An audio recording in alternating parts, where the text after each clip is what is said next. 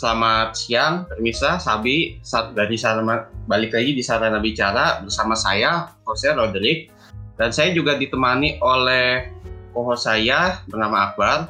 Ya, halo semua. Dan kita kali ini kedatangan tamu bernama Jonathan nih. Boleh kenalan dulu kan Jonathan nih? Uh, nama gue Jonathan Yunardi.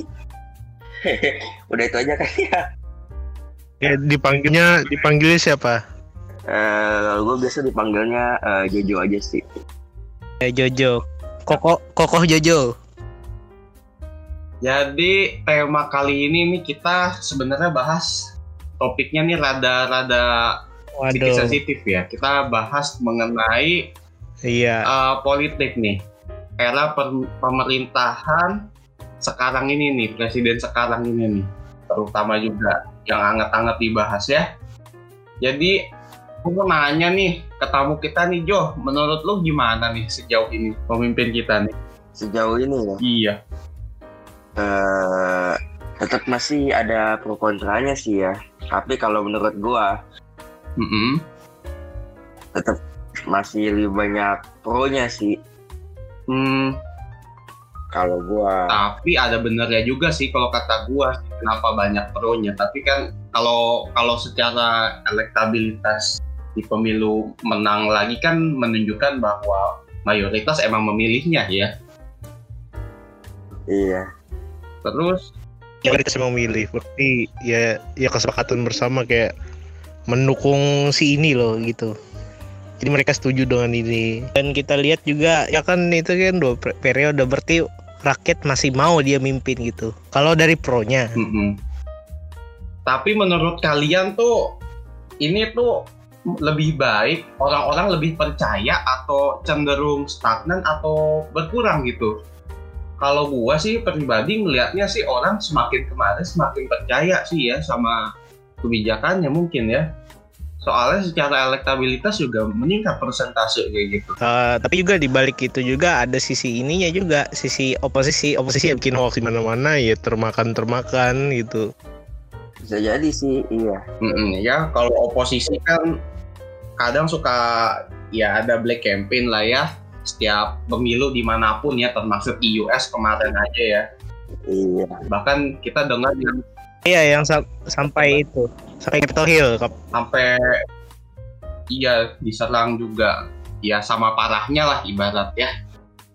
Nah tapi kalau gini nih dari era pemerintahan sekarang gitu gimana menurut kalian kebijakan-kebijakannya nih Eh, dari dari siapa dulu?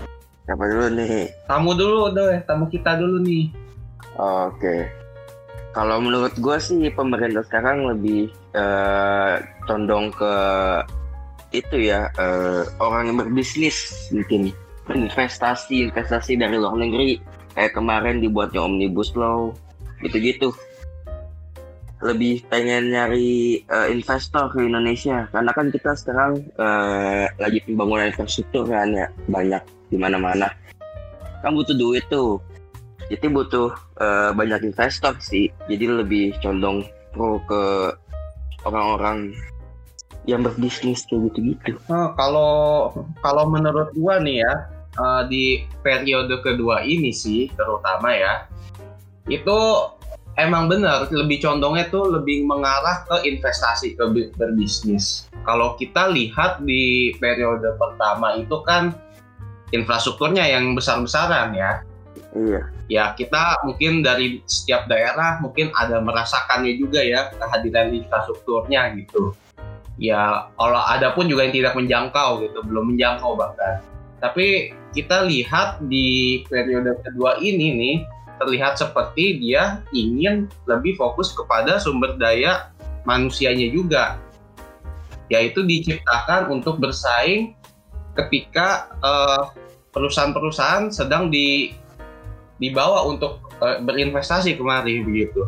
iya iya make sense ya katanya perlu investasi ya juga perlu banyak manusia buat apa eh buat investasi tersebut jadi ya cuman kita ini kita lihat juga ada juga pihak yang tidak setuju sampai-sampai mengait-ngaitkan dengan ini undang-undang gini itu berpengaruhnya gini-gini gini. Sebut ya karena gue bukan pakarnya gue cuma denger aja di edaran WhatsApp gimana kita dapat berita yang paling cepat walaupun itu hoax. Ya gitulah. Uh, jadi pasti pasti ada sih yang mendinai kayak uh, apa pemimpin kita gitu. Iya pasti ada konsentrasi tapi kalau boleh tahu nih ya kalau boleh tahu nih um, kan kalian udah udah tahu dah mengenai isi undang-undang omnibus law nih. Ya kalian kan dengar berita dari mana pun nih. Kalian nih uh, itu nggak pernah menanyakan nggak atau pernah tahu nggak apa yang menjadi kekhawatiran masyarakat mengenai undang-undang yang baru ini? Kalau gue sih kalau lihat dari berita ya uh, lebih ke arah itu ya uh, buruh kan uh, kontranya. Uh, iya, kenapa tuh dari pihak buruh tuh lebih banyak di kontra tuh? Kalau boleh tahu? Uh, karena itu kan merugikan buruh kan ya kita uh, ngambil uh, investor dari luar negeri perusahaan-perusahaan dari luar negeri bisa masuk ke Indonesia udah gitu mereka boleh ngambil uh, pekerja dari luar negeri juga masuk ke Indonesia mungkin itu sih terus kan jam uh, kerja mereka ditambah ya setahu gue ya. Kalau menurut informasi yang gue dapet sih katanya tuh nggak bener sih ya beritanya tuh jam kerjanya ditambah cuman hari-hari tertentu gitu. Kayaknya ada liburan dikurangin deh tapi tanggal merahnya ya. Gue kurang tahu tuh beritanya kalau itu. Uh, kalau menurut gua ya tadi kan si Jonathan bilang um, pekerjanya ya ambil dari luar negeri ya. Kalau gue memandang begini nih, dia ngambil dari luar negeri itu sebagian porsi yang kecil. Dia mengambil misalnya itu uh, ahli-ahli di bidangnya, teknik teknisinya, yang kita juga belum paham teknologi yang ingin di diperkenalkan di bagian perusahaan yang pengen investasi di Indonesia. Kayak misalnya uh, kita mau itu ya apa investasi pabrik lithium baterai nih, tapi kita nggak paham gimana nih mekanismenya ini, cara kerjanya. Kita butuh tenaga ahli orang luar untuk apa ya bekerja di Indonesia untuk ya sekaligus mendidik orang-orang kita gitu loh. Kalau menurut gua sih begitu. Dan porsinya banyak orang lokal sih. Iya pasti. Iya.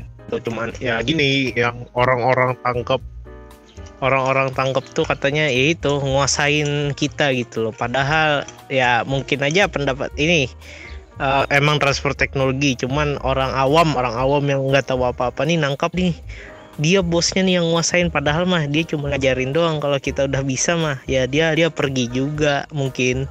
Iya kayak transfer, iya pastinya sih. Itu jadinya kayak transfer teknologi. Dengan begitu orang-orang kita bisa belajar sekaligus ya bisa mulai menyaingi. Ntar ke depan bisa aja ada pabrik pembuat baterai yang baru gitu dengan teknologi yang sudah kita pelajari gitu. Iya itu. Iya persepsi pribadi. Karena kita di luar kapabilitas kita kan kita kita jadi cuman rakyat biasa ya. Itu itu maunya sih iya. Ya kita bisa bersaing juga lah ibarat bebas. Iya soalnya orang kita tuh kayak merasa kayak dijajah gitu kayak mental dijajah hmm, mungkin ya. Saya kurang paham. Itu mungkin persepsi pribadi itu tuh. Iya mungkin. Kita harus kalau kalau saat ini ya itu strategi terbaik kita. Ya di sekaligus misalnya mungkin ya untuk mem, untuk menambah ilmu dari teknologi dari luar negeri. Misalnya dari program pemerintah nih pendidikan. Misalnya ada adain beasiswa ke luar negeri gitu di bidangnya masing-masing. Itu juga mungkin membantu juga itu ya untuk apa belajar untuk tahu teknologi yang digunakan di luar negeri itu seperti apa. Itu juga salah satu cara yang bagus. Selain cuma mungkin terlalu mahal ya biayanya. Mungkin ya terlalu mahal. Dan mungkin juga terlalu lama ya kalau kalau itu juga apa mending disambilkan gitu loh sambil di sini sambil juga ada yang mendidik di sana gitu ya. Mudah-mudahan orang-orang tersebut anak-anak yang telah dikirim ke luar negeri dari beasiswa tetap mengabdi gitu sih ke Indonesia gitu balik. Ya bisa jadi. Iya. Oke, jadi itu dari segi dari segi bisnis ekonominya ya yang kebijakan pemerintah ya. Kalau menurut kalian nih, ini kan udah dua periode nih ya. Di Indonesia gimana infrastruktur tuh bertambah nggak baik nggak gitu? Kalau dari lihat dari periode pertama. Uh, kalau gue sih ya ya ya ya better lah dari yang kemarin lah lebih ya lebih baik lah at least ya jalan tol ini sih antar antar kota yang ini apa sih yang Samarinda Balikpapan itu ya eh itu at least at least at least motong waktu lah. Ya ya rencananya kan pengen ditambah lagi. Cuman kan itu anggapannya uji coba dulu kan yang deket dulu. Kalau udah berhasil ya katanya katanya nih katanya bakal ditambah lagi. Cuman gue tidak bisa mengkonfirmasi berita itu. Iya pasti. Iya bah kalau di Solo tuh yang baru apa aja tuh bang? Offshore kebanyakan tuh offshore. Lepas laut semua. Balik papan Samarinda ya kalau gua ini pandangan gua ya ngelihat jalan tol di Kalimantan ini kan kita bisa lihat nih uh, di provinsi salah satu yang terpadat itu wilayahnya kan di Kalimantan Timur antara Balikpapan dan Samarinda itu kan dua kota besar ya. Yang kita juga lihat di Balikpapan itu juga ternyata ada itu kan pabrik minyak ya. Lumayan krusial juga. Makanya iya.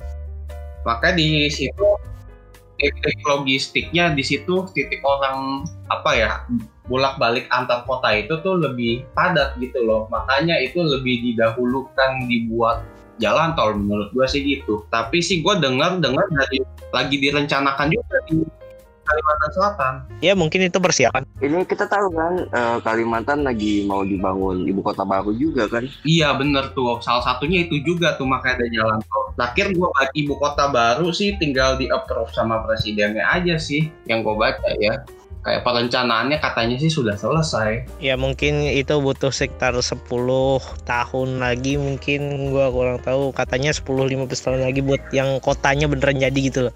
Cuman kan at least uh, secara administrasinya dulu lah ya kita kita berharap lah semoga yang terbaik gitu. Kalau lu sebagai orang sono Kalimantan gimana tuh ibu kotanya pindah sono? Wah iya tuh macet tuh. Kalau lu gimana Jo? Uh, tentang ibu kota baru ini. Kalau gua sih senang-senang aja ya Jakarta udah terlalu padat soalnya ke mana-mana macet. Hmm, iya sih kalau untuk katanya kan ibu kota dipindahkan ke Kalimantan Timur itu di apa direalisasikan untuk memperatakan ekonomi kan. Jadi lokasi Kalimantan Timur itu disebut-sebut sebagai uh, pusatnya di di apa Indo negara Indonesia. Jadi nggak terlalu barat, nggak terlalu timur. Gitu. Katanya sih begitu. Dan juga dari segi bencana alam katanya sih Kalimantan paling jarang ada bencana alam. Nggak terus nggak bertemu sama laut lepas juga ya langsung samudra. Jadi kemungkinan tsunami-nya juga kecil katanya sih gitu ya. Terus gak, gak dilewatin patahan lempeng tektonik gitu jadi jarang ada gempa. Katanya sih paling aman sih Kalimantan gitu. Iya dari segi geografisnya gitu. Iya sih. Tapi kalau menurut kalian ini kalau pemindahan ibu kota gitu ya ke Kalimantan gitu tuh kan yang sering berisik-berisik tuh mengenai lingkungan hidup tuh. Katanya ah hutan dihabisi nih untuk dibangun kota baru itu gimana menurut menurut kalian nih? Apa itu lahannya udah bukan lahan hutan atau gimana? Jadi gini kan katanya ya, kata pemerintah kan kita bangun uh, kota dalam hutan. Jadi menurut gua sih pemerintah bakal ngejaga kotanya tetap asri ya, tetap nggak uh, kayak maksudnya nebang pohon terus nggak di uh, reboisasi gitu. Menurut gue sih kayaknya pasti nebang pohon namanya kan kita mau ngebangun kota ya. Cuman pasti di reboisasi lagi sih menurut gue ya. Kan katanya kota di dalam hutan ya, bukan hutan di dalam kota. Kalau kita, kita sih kan pernah lihat ya master plan-nya ibu kota baru ya. Itu kan um, memegang konsepnya kan peng, apa ya penghijauan ya. Kita lihat lebih cenderung banyak pepohonannya ya daerah penghijauannya ya Tapi sih walaupun begitu saya kurang tahu pasti letaknya kan katanya antara di Kabupaten Penajam Pasar sama Kutai Kartanegara ya. Saya kurang tahu pasti itu lokasi perkebunan atau masih hutan asli nih. Iya hutan sih kayaknya. Kalau Penajam memang emang sepi masih, emang masih sepi Penajam memang itu emang masih ya lebih baik lebih sedikit lah perumahan lah dan segala dan penduduk lah. Makanya mungkin dipilih di situ. Uh, terakhir kali gua lewat sih masih banyak hutannya sih yang terakhir kali gue lewat yang pengen ke ke ini ke gua pernah Kalimantan Timur kan cuman kan lewat ini juga penajam ya ya masih masih itu sih hutan sih Tapi ada sisi baiknya juga sih ya. Kenapa pindah ke situ ya? Dengan adanya ibu kota baru di situ sih menurut gua ya, kita bisa jadi meninjau eh, apa terjadinya kebakaran hutan yang lebih parah lagi gitu, mencegah. Kan dengan adanya pemerintahan di situ dia lebih bisa mem- memantau lagi gitu loh. Apalagi kan kalau ada ada sesuatu yang terbakar kan asapnya pasti kena ke ibu kota gitu. Lebih dikontrol. Dan dari segi dari segi infrastruktur sekitar juga kan jalan-jalan kan juga pasti akan bagus. Aksesnya ke hutan orang juga makin gampang meninjau gitu sih. Kelihatannya seperti itu ya. Jadi jadi sedikit berkorban untuk uh, yang lebih baik kalau gue lihat sih gitu. Iya soalnya untuk untuk sekarang nih kan ini kan belum dipindah nih eh, untuk jalanan kayak antar antar kota provinsi ya masih ya standar lah jalanan biasa gitu. Ya penerangannya enggak ya paling di padat penduduk pas sudah di luar padat penduduk nggak ada penerangan gitu kan. Jadi ya, ya dengan dengan berharap lebih bagus aja jalan. Jadi orang lebih banyak lewat darat gitu daripada lewat udara. Soalnya gini kebanyakan orang di sini lewat udara kalau pengen ini lebih pilih pesa- pesawat kecil gitu daripada lewat darat yang bikin sakit pinggang buat nyetir mobil gitu. Iya sih ya, gua gua lihat jalan nasional sih di pulau situ tuh em, masih harus muterin dulu ya, kagak kagak bisa langsung gitu motong. iya kayak Jakarta Surabaya tuh naik mobil semalaman semalaman mungkin semalaman lebih ya udah bisa sampai gitulah 12 jam kan itu pun masih jauh lagi itu setengahnya dari Jakarta Surabaya jaraknya Oh, kalau Jakarta Surabaya 800 km kan sih 12 jam. Kalau pengalaman gue sih 12 jam baru bisa. nah itu 12 jam ini 12 jam baru 500-anan Ya berarti dari segi waktu dan jarak tempuh jalan bisa diperkirakan kalau di situ infrastrukturnya belum lebih bagus ya. Oke, yang eh, yang sekarang lagi anget-anget juga dibahas nih kan awal tahun 2021 nih ya. Kan kita tahu nih lagi bencana nih. Banyak-banyaknya bencana ya. Nah, gimana termasuk tempat lu ini kan Bar ya kan lu juga ada bencana banjir lah di situ ya bahkan lu bahkan jadi korbannya ya kalau menurut lu cepat tanggap pemerintah gimana nih kak mengenai bencananya ya cepat tanggapnya sih menurut gue sih ya ya oke lah ya ya oke lah bantuan bantuan sampai aja lah masih ke gua gitu. Masih dapat bantuan lah. Iya orang ini kayak truk-truk dinas gitu. Ya nyampe lah. Fungsinya hari ini ya besoknya ya udah mulai berdatangan lah. Kayak di BNPB gitu datangan itu bawa ini perahu gitu. Tapi besoknya lagi baru kayak bantuannya tuh udah mulai datangan juga. Oh sekarang udah sampai ya Iya orang orang nih jalanan raya nih yang biasa dipenuhin truk sekarang mah, perahu. Nah, Bayangin, gue inget tuh. Kan gue lokasinya di situ juga. Jonathan aman ya. Di Jakarta Utara aman kan? kalau di tempat lu Jo gimana banjir juga nggak awal tahun Eh, Jakarta sih enggak ya. enggak ya so, kalau tahun lalu sih parah ya katanya ya tahun lalu ya di Jakarta banjir Lupa tuh gue tahun lalu. Yang Januari awal tuh tahun baruan tahun lalu Aman aman. Masih aman sih. oh berarti aman ya si Jonathan ya Ya jangan sampai kayak gue lah ngungsi-ngungsi. ya semoga aman-aman aja ya walaupun banyak lagi banyak bencana begini nih Ya Iya, amin. oh iya iya wes. Ya ada yang mau ditambahkan lagi? Roderick atau Jonathan? Jo mungkin ada yang lo mau bahas gitu di ininya nih di pemerintahan sekarang gitu bagian apanya gitu yang lagi enak dibicarakan gitu topiknya Paling sih vaksin yang baru-baru ini ya. Oh vaksin hampir lupa kita. oh iya vaksin vaksin yang gue dengar sih udah dua kali pengiriman ya. Pengiriman pertama sih jumlahnya tuh 1,2 juta dosis, yang kedua 1,8 juta dosis. Sekarang tuh diterima di Indonesia 3 juta dosis dan didistribusikan masing-masing ke berbagai 34 provinsi untuk uh, itu tim-tim medis segala macam gitu sih ya. Yang gue dengar gitu progresnya kalau menurut kalian gimana nih soal vaksin ini nih? Indonesia udah benar belum nih langkahnya? Siapa dulu nih? Kamu dulu deh lu. Kalau menurut gue sih udah benar banget ya. Karena kita tahu sekarang negara-negara lain kan uh, juga nyari vaksin ya. Menurut gue Indonesia cukup cepet ya uh, untuk mendatengin vaksin. Iya, tapi kita kalau nggak salah kita juga dengar ya kemarin ya, Bang, um, dari narasumber kita yang lain tuh tamu, katanya sih di negaranya dia juga udah mulai divaksin juga ya, itunya tim medisnya ya. Oh iya, yang kemarin ya di negara sebelah ya, yang episode sebelumnya ya, penanganannya ya penanganannya boleh lah karena gue sempat ngobrol juga gini dia dia juga tanya gini kalau rumah sakit gimana tuh? Ini kalau positif. Gue bilang aja gratis karena ya emang gratis nggak bayar asal ada BPJS gitu. Wah bagus lah. Ya, ya berarti berarti kalau menurut orang sebelah bagus ya berarti kita harus bersyukur lah. Penanganannya lebih ya lebih baik lah ditangani daripada ditangani sama sekali kan. Kalau kalian dengerin kalian tahu deh. Iya katanya oh gua gua mikir oh ternyata bukan kita doang ternyata mereka juga udah mulai nyuntikin juga ternyata. Dan bukan cuma di negara tetangga kita di India juga tuh katanya.